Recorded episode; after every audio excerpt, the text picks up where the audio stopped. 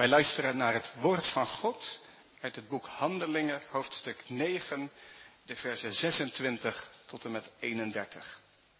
Luisteren wij naar het woord van God.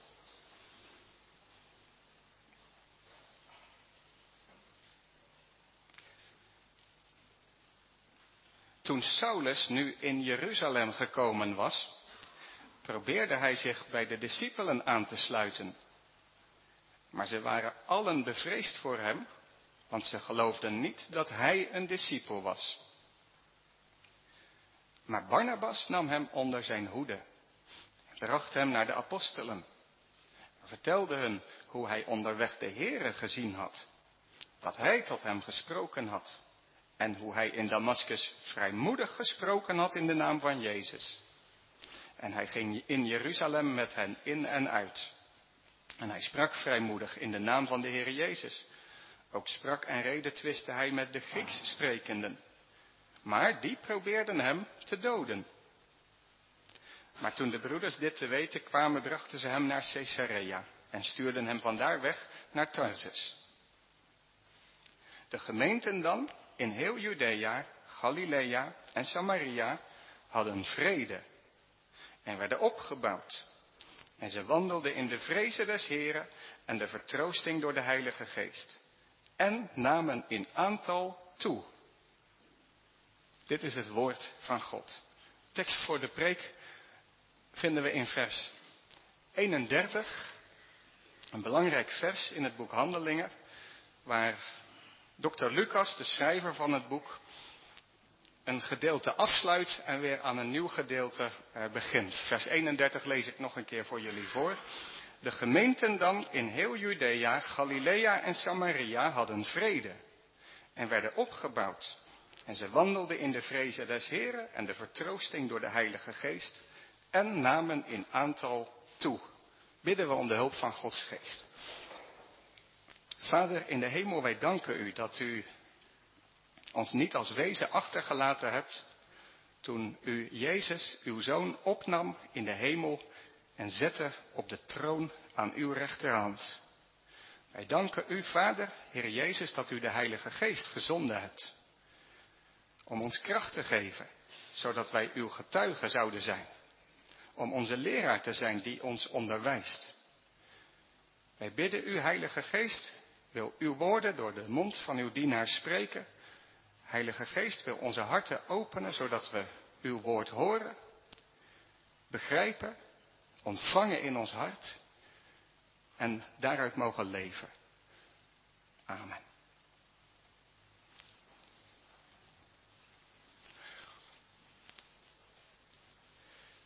We zien in onze tekst dat er een periode van rust aanbreekt na een tijd van vervolging voor de gemeentes in Judea, Samaria, Galilea.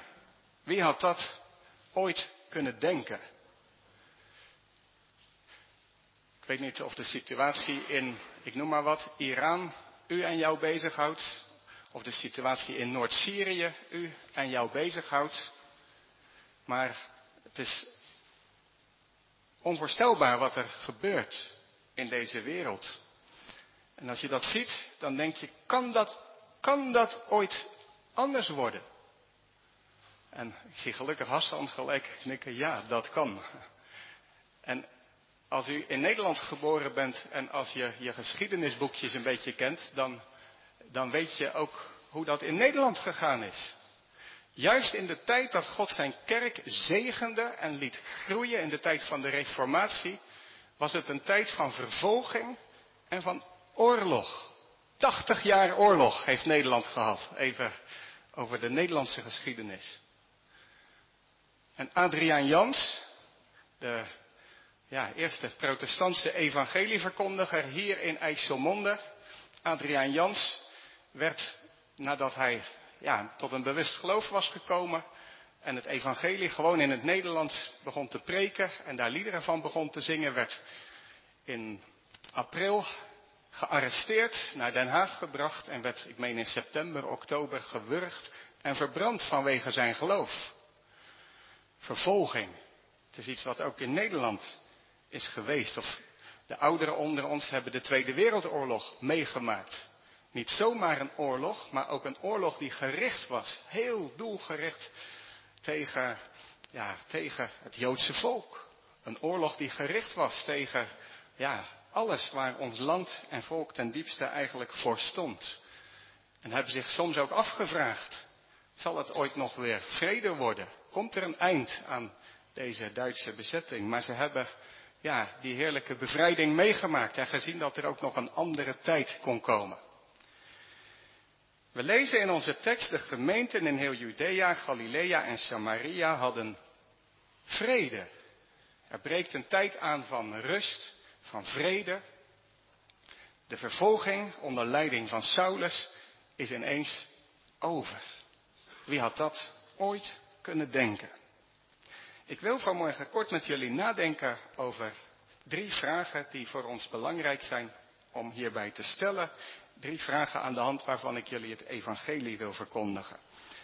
De eerste vraag is, wat was de oorzaak van die vrede? De tweede vraag is, hoe hebben zij die vrede benut? En de derde vraag is, wat was het resultaat van die vrede? Dus wat was de oorzaak van die vrede? Hoe hebben ze die vrede benut? En wat was het resultaat van die vrede? Allereerst, wat was de oorzaak van die vrede? Er staat dat de gemeentes vrede hadden. Dat is een vraag ook voor u, voor jou, zoals je hier zit. Heb je vrede?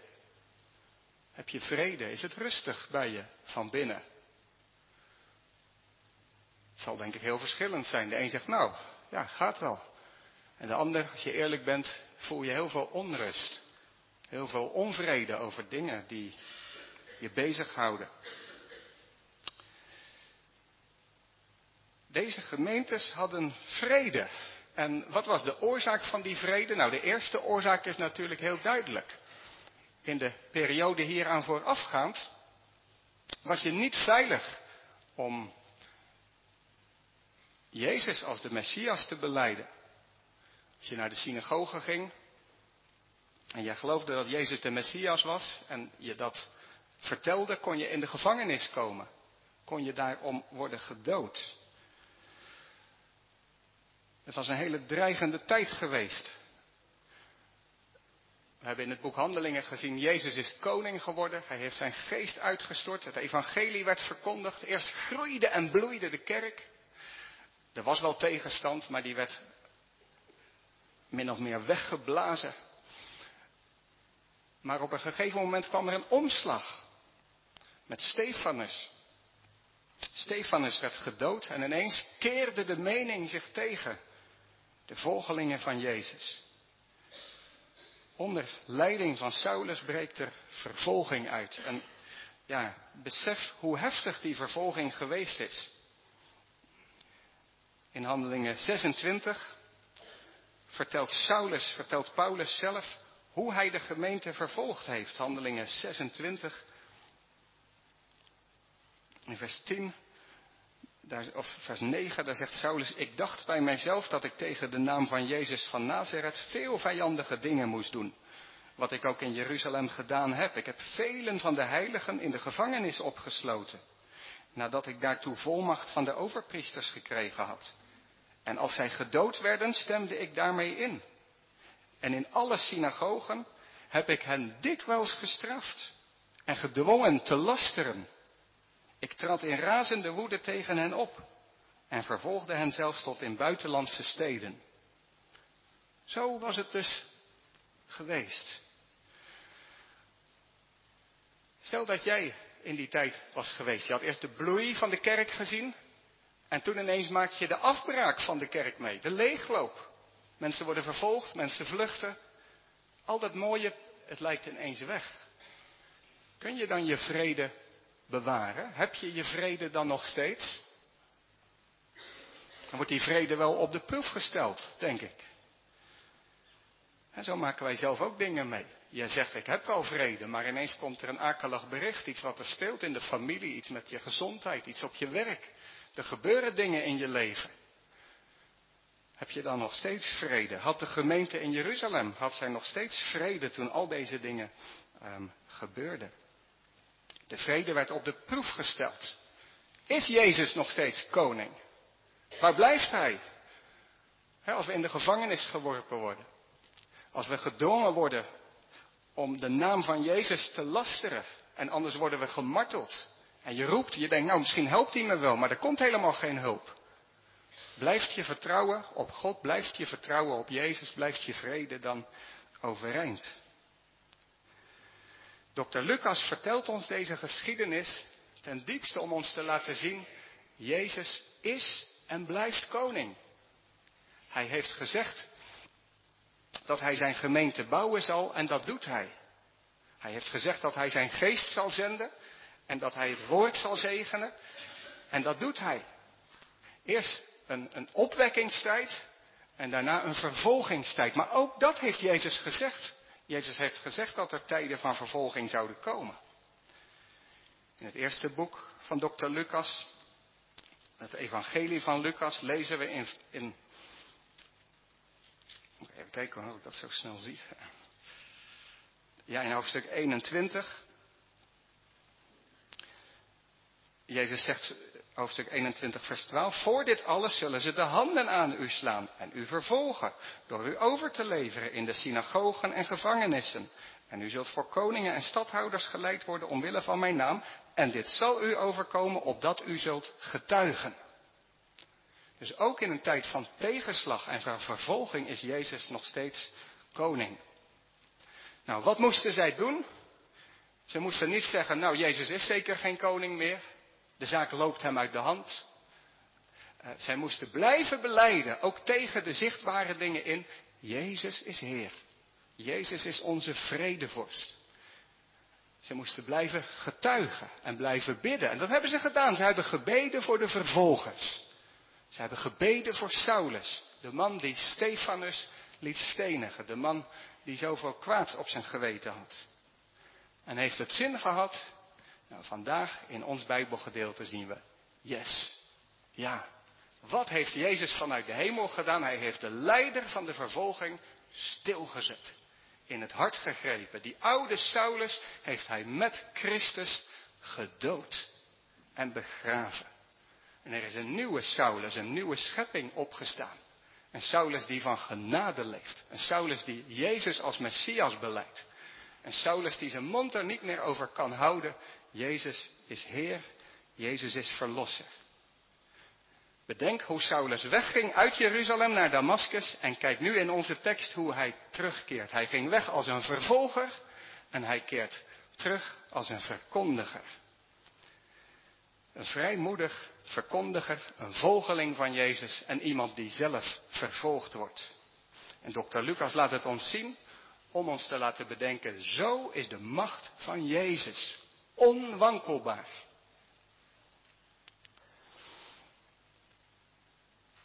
Wat is de oorzaak van de vrede van de gemeenten in Judea, Galilea en Samaria? Het is niet alleen dat de vervolging nu opgehouden is. Als je zelf in een tijd van onvrede zit, dan heb je waarschijnlijk wel een beeld hoe er weer vrede kan komen. Je denkt als nu dit, als nu dat. Je zit te wachten op die uitslag uit het ziekenhuis. Als die nou goed is, dan heb ik weer vrede. Of die uitslag van je tentamen, als die nou goed is, dan heb ik weer vrede. Of als dat in mijn familie opgelost is, dan heb ik weer vrede. Of als dat in de wereld opgelost is, dan heb ik weer vrede. Maar de vraag is waarin jij je vrede zoekt. Waarin hadden deze gemeenten hun vrede? Als het goed is, hebben wij onze vrede niet in de afwezigheid van vervolging, maar hebben wij onze vrede in het vaste vertrouwen dat Jezus, onze Verlosser, de koning in de hemel is. Wij in West-Europa hebben geen last van vervolging. We zijn vrij vanmorgen om samen te komen en Jezus' naam te beleiden. Wij zien wel andere dingen gebeuren. De macht, de kracht van ja, secularisatie. Het lijkt in onze tijd wel hè, alsof hele nieuwe generaties zomaar bij God, bij Jezus vandaan drijven. Sommige mensen zeggen, ja, heeft de kerk hier nog wat toekomst? Waar loopt dit op uit? Kerken die allemaal gesloten worden en Mensen die zeggen, ja, het is me zomaar ontglipt. Ik uh, zeg me niet zoveel meer, ik geloof het niet meer. Het lijkt een soort sterke macht, een soort sterke kracht. Maar wat is nodig dat wij vandaag beleiden? Jezus is Heer. En alle dingen, ook deze tijd, gebruikt Hij om zijn koninkrijk te bouwen. Beleid dat Hij Heer is. De gemeenten in heel Judea, Galilea en Samaria hadden vrede. Waar vinden we onze vrede? We moeten onze vrede niet zoeken in onze omstandigheden, maar wij moeten onze vrede vinden in verzekerd te zijn dat God zijn zoon Jezus heeft opgewekt uit de dood. Dat God zijn zoon Jezus op de troon heeft gezet en dat het koninkrijk van koning Jezus gebouwd wordt. Met de kerk gaat het goed in deze wereld. De kerk van Jezus Christus groeit alleen maar. Het lijkt misschien niet, in Jeruzalem leek het niet, het leek de kerk loopt leeg, maar we hebben gezien in die tijd van vervolging gebruikte Jezus die vervolging om zijn naam, terwijl het op het oog niet zo leek, om zijn naam juist verder te laten gaan. Ook onze tijd en alle dingen die gebeuren, gebruikt Jezus om zijn regeringsagenda uit te voeren. Wat is de agenda van Jezus? Dat is alle volken zullen het evangelie horen. Dat er een Messias is. Dat wij zondaren zijn. En als wij zijn naam aanroepen, als wij door zijn dood aan het kruis verzoend worden met God, dan ontvangen wij vrede. Dan gaan wij horen bij dit onwankelbare koninkrijk. Dit onwankelbare koninkrijk dat geen vervolging, geen ziekte, geen tegenslag, geen dood kapot kan maken. Kent u, ken jij die vrede met God? Wij dan, gerechtvaardigd door het geloof, hebben vrede met God, zegt Paulus, Romeinen 5, vers 1. Die vrede, ja, wat is die kostbaar? Als je die vrede hebt in je hart, dan weet je dat niets je kan scheiden van de liefde van God in Christus Jezus. Ook al zit je in een tijd van tegenspoed, ook al zit je in een tijd van beproeving. Als God voor ons is, wie zal dan tegen ons zijn? Nou, ik kan mij voorstellen dat dat geloof in de gemeentes best af en toe gewankeld heeft in de tijd van vervolging. Maar nu Saulus terugkeert naar Jeruzalem, wie had dit kunnen denken? De grootste vervolger wordt de grootste volgeling en de grootste verkondiger. Nu worden zij bevestigd erin dat ze weten, Jezus is Heer. Hij heeft alle macht. En wat heerlijk is dat als je zelf soms ook een bevestiging mag krijgen van het geloof. Hij is Heer. Hij heeft alle macht. Vertrouw dat in tijden van tegenspoed en in tijden van voorspoed. Dank en prijs hem daarvoor. De gemeenten hadden vrede. En zie je eigenlijk wat een wonder het is dat zij vrede hadden, want het is niet een vrede van onze club. Het is een vrede die over grenzen gaat. Wij zijn vanmorgen ook met mensen met verschillende achtergronden, jong en oud. We zijn met mensen uit Turkije, uit Iran, uit, nou ja, noem het allemaal maar op. Afghanistan, uh, als ik zo nog even, uh, Sri Lanka, als ik een tijdje kijk naar uh, Zuid-Afrika. nou, zo kunnen we nog wel even doorgaan. Allerlei achtergronden. En toch staat er hier één tafel waar wij samen vanmorgen aan mogen gaan. Vrede tussen Judea, Galilea en Samaria, dat was niet iets, niet iets vanzelfsprekends, helemaal niet. De mensen uit Galilea en de mensen uit Judea hadden geen vrede met elkaar. De mensen uit Judea keken neer op de mensen van Galilea. En de Joodse mensen keken neer op de Samaritaanse mensen. Er was geen vrede tussen hen. Als jij gered bent door het geloof in Jezus Christus, dan is niet jouw nationale achtergrond meer van belang. Dan is het van belang dat jij hoort bij die stad en bij dat volk dat Jezus door zijn bloed verworven heeft. Dat is een stad, dat is een volk uit allerlei volken, natieën en talen. En die hebben met elkaar vrede door het bloed van Jezus. Paulus schrijft in de Efezebrief dat Jezus kwam om door zijn dood en in zijn lichaam vrede te brengen. Om beide in één lichaam met God te verzoenen door het kruis waar hij de vijandschap gedood heeft. Bij zijn komst heeft hij door het evangelie vrede verkondigd. Weet je, dat vind ik zo mooi om daarover na te denken. Ik zie ook nog Congo, ah, nou, zomaar even tussendoor. Um, daar bij de uitgang van de kerkzaal staat een, een, uh, een, een box met allerlei bijbels. En ik keek daar donderdag naar en toen werd ik ineens zo diep getroost. Weet je waarom? Daar staat een Turkse Bijbel naast een Koerdische Bijbel. En daar staat een Farsi, een Iraanse Bijbel, naast een Hebreeuwse Bijbel. En daar staat een Amerikaanse Bijbel weer naast de Iraanse Bijbel. En een Chinese Bijbel naast de Amerikaanse Bijbel. Nou, kun je het je voorstellen?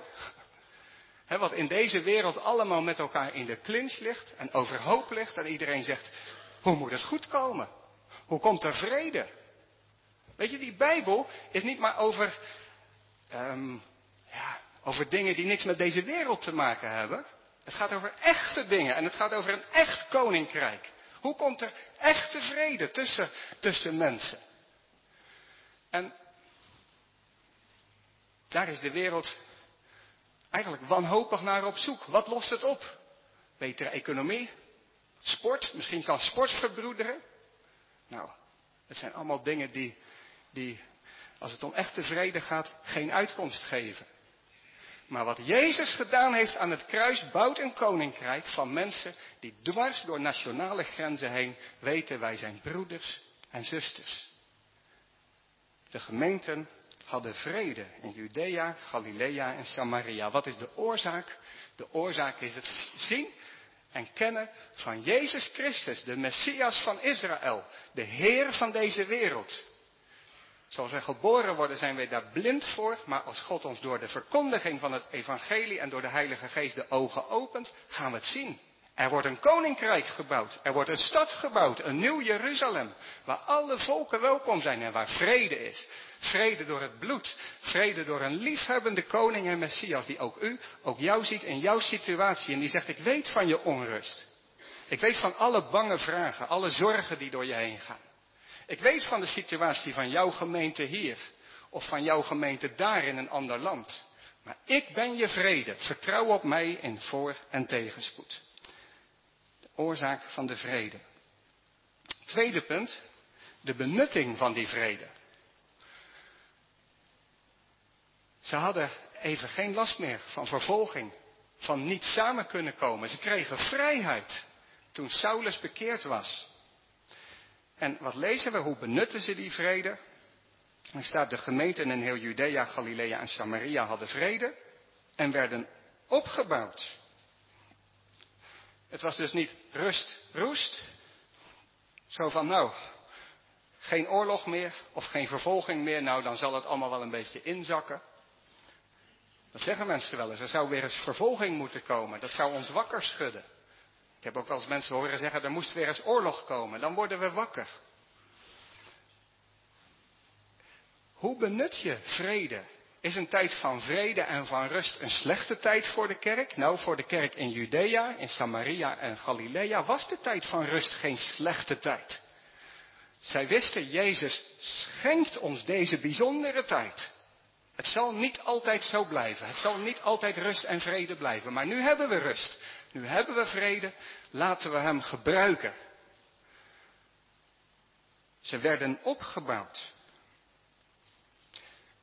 Dat is iets waarvoor wij samenkomen. Het staat in de, in de passieve vorm. Zij werden opgebouwd. Dus wie is de dader van dit opbouwen? Dat is God. God bouwt de stad op. God bouwt de tempel op. En tegelijkertijd, als God ons opbouwt, zijn wij daar niet puur passief in.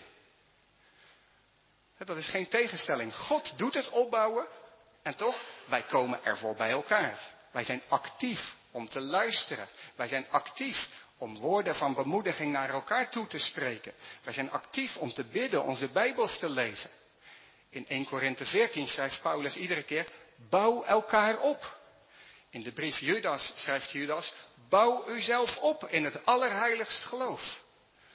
Dus dat wij elkaar moeten opbouwen, actief moeten zijn in een opbouw, sluit niet uit dat God het is die ons opbouwt. Hoe is dat bij u, bij jou? Als je tijd en ruimte hebt, hoe benut je die tijd? Laten we die tijd gebruiken om opgebouwd te worden, om elkaar op te bouwen. Je kunt je tijd die je krijgt, als er rust is, ja, verspillen, door je vingers laten glippen. Op honderdduizend manieren, dat je zegt, waar is de tijd gebleven? Onze cultuur en de media die roepen je voortdurend toe, je hebt de tijd, tijd nodig om te relaxen, te ontspannen. Je hebt nog meer vakantie nodig, je hebt nog meer Netflix nodig, je hebt nog meer, je moet nog meer werken. De, de, de duivel wil niks liever dan dat we alle tijd die we van God krijgen, ja, vullen met lege dingen. Maar als je Jezus Christus kent, als je in Hem bent gaan geloven en Hem bent gaan liefkrijgen, Hem die zijn leven, zijn bloed voor je gegeven heeft, gebruik dan je tijd om opgebouwd te worden. Nou, hoe benutten ze die tijd? God bouwde hen op. Het tweede wat we lezen is, ze wandelden in de vrezen des Heren en de vertroosting door de Heilige Geest. Hoe zag dat opgebouwd worden eruit? Ze wandelden in de vrezen des Heren en de vertroosting door de Heilige Geest. De vrezen des Heren, dat is een begrip wat we in het Oude Testament vaak tegenkomen als de kern van wat is geloven in de praktijk. Geloven in de praktijk, dat is dat je ontzag voor God en voor wat Hij zegt groter is, dieper is dan voor al het andere. En voor een christen is het Oude Testament geen afgesloten boek. Het is een boek dat tot vervulling komt. Wandelen in de vrezen des Heren, dat is wandelen in ontzag, in vrezen voor, voor Christus. Zij hadden gezien, inderdaad, hij heeft alle macht. Een tijd van vervolging heeft de kerk niet kapot gemaakt, maar laten groeien. Hij heeft alle macht, hij kon de grootste vervolger omturnen in de grootste volgeling en verkondiger. Dat bracht hen tot diep ontzag. Wauw, als hij zo'n machtige Heer is, zouden we hem dan niet boven alles vrezen en liefhebben? Laten we ons niet veel te vaak bepalen door onze omstandigheden. De mensen die bij jou op school zitten, of de mensen die wonen in jouw buurt, of je collega's op je werk, zij kunnen God niet zien. Ze lezen misschien geen Bijbel, maar ze kunnen wel jouw leven lezen. Ze kunnen lezen wie jij bent. Hoe worden mensen nieuwsgierig en geprikkeld, aan het nadenken gezet? Als jij wandelt in de vrezen des Heren. Als jij ziende op de macht van Jezus, vertrouwend op zijn steun, ik ben met u, dingen durft te doen die anders zijn dan dat de mensen verwacht hadden. Als jij je durft te laten leiden door de Heilige Geest, dan zeggen mensen, hé, hey, waarom deed je dat? Nou, daar bouwden ze elkaar in op. Ze bouwden elkaar op om te wandelen in de vrezen des Heren. Het ontzag voor Jezus. En hoe kun je wandelen in het ontzag voor Jezus? Dat kun je alleen als je bijgestaan wordt door de Heilige Geest. Ze wandelden in de vertroosting, letterlijk staat er de bijstand van de Heilige Geest. Als je een tijd van rust en van vrede hebt, bid dan, Heilige Geest, wees mij nabij. Dat ik wandel in de vrezen van Jezus Christus. En dat u zo uw tempel bouwt. Want als je zo wandelt, beïnvloed je mensen. Jullie zijn allemaal influencers. Of je het door hebt of niet, je bent allemaal een influencer. Er zijn mensen die naar jou kijken. En als jij je laat influencen door Jezus Christus, je Heer, dan heb je invloed op je, op je omgeving. Nou, ze benutten die tijd van vrede om opgebouwd te worden. Ze wandelden in de vrezen des Heren en de vertroosting door de Heilige Geest. Als laatste, wat is het resultaat daarvan? Zij namen in aantal toe. De gemeente groeide. En wie niet alleen deze keer aanwezig is, maar wie zeg maar een volger is van de hele serie. Misschien ben je een binge-watcher. Nou, ik zou willen zeggen, word een binge-reader van Bijbelboeken. Niet alleen een stukje, maar wil de hele serie volgen. Nou, de eerste, het eerste seizoen van, Paulus serie, of van, van de serie van Lucas loopt af bij vers 31. Daar begint weer een volgende serie. Maar volg die series. Hè, daar word je sterker van. Niet alleen een stukje, maar series volgen uit het woord van God. Daar word je sterker van. Nou, wat is het refrein? Wat keert steeds terug in het boek Handelingen? Ze namen in aantal toe. Daar is dokter Lucas in geïnteresseerd. in zijn eerste boek is hij geïnteresseerd in Hoe vestigt Jezus zijn koninkrijk door zijn kruisdood en opstanding? Hij is koning geworden, die day is gekomen. In het tweede boek is hij geïnteresseerd in hoe breekt de bevrijding vanuit de D-Day van Golgotha door. Het medicijn is uitgevonden, weet je nog, eerdere serie, het medicijn is uitgevonden. Hoe bereikt het medicijn de zieken? En iedere keer opnieuw lezen we dat als een refrein in het boek Handelingen. Er kwamen er 3000 tot geloof. Er kwamen er 5000 tot geloof. Het aantal van de discipelen nam toe. Een grote menigte priesters werd toegevoegd. En ook hier zijn namen in aantal toe. Het resultaat van een tijd van rust is groei voor de gemeente. Ik weet niet hoe u, hoe jij hier vandaag zit. Misschien word je heftig aangevochten. Dan wil ik je vandaag zeggen, en toch is Jezus koning. Hij heeft de hele wereld, hij heeft de hele wereld in zijn handen. Oh, je bange vragen, je angsten, bid ze er maar uit. Maar weet dit, God is in control. Hij heeft het in de hand. Hij bestuurt. God is vertrouw, zijn plannen falen niet. Heb jij juist een tijd van rust? Gaat het je goed? Heb je wel tijd? Zit je hier en zeg je, nou, er is eigenlijk niet zoveel bijzonders. Benut je tijd en laat je opbouwen. Bid om de Heilige Geest.